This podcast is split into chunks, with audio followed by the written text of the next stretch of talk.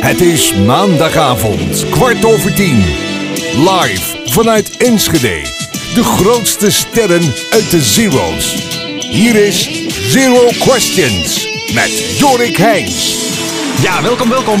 Hij was de winnaar van de hitshow uit de Zero's. De eerste winnaar van Idols. Vanavond in de show niemand minder dan Jamai Lohman. Eh, Welkom Jamai. Dankjewel. Eh, Wat leuk dat je na zoveel jaar in deze show zit. Ja, dat kan je eigenlijk niet verzinnen, hè? Bevalt het je hier bij mij? Eh, Wat, wat vind je van de show? Echt een goede show waar goede grappen worden gemaakt. Dank je. Een wonder dat, eh, dat je er gewoon zit. Ik, ik kon het eigenlijk allemaal niet zo heel erg geloven. De, de, de spirit en, en de positiviteit, dat vind ik zo inspirerend. Dank je, dank je. Eh, maar eh, mogelijk had je niet door dat dit Zero Questions is.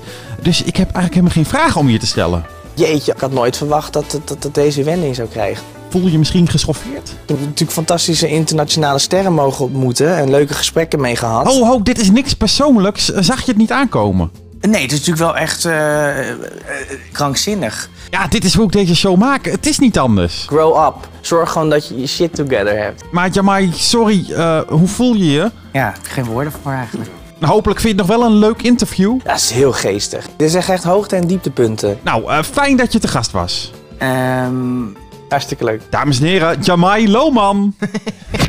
Jorik Heijns. Back to Zero.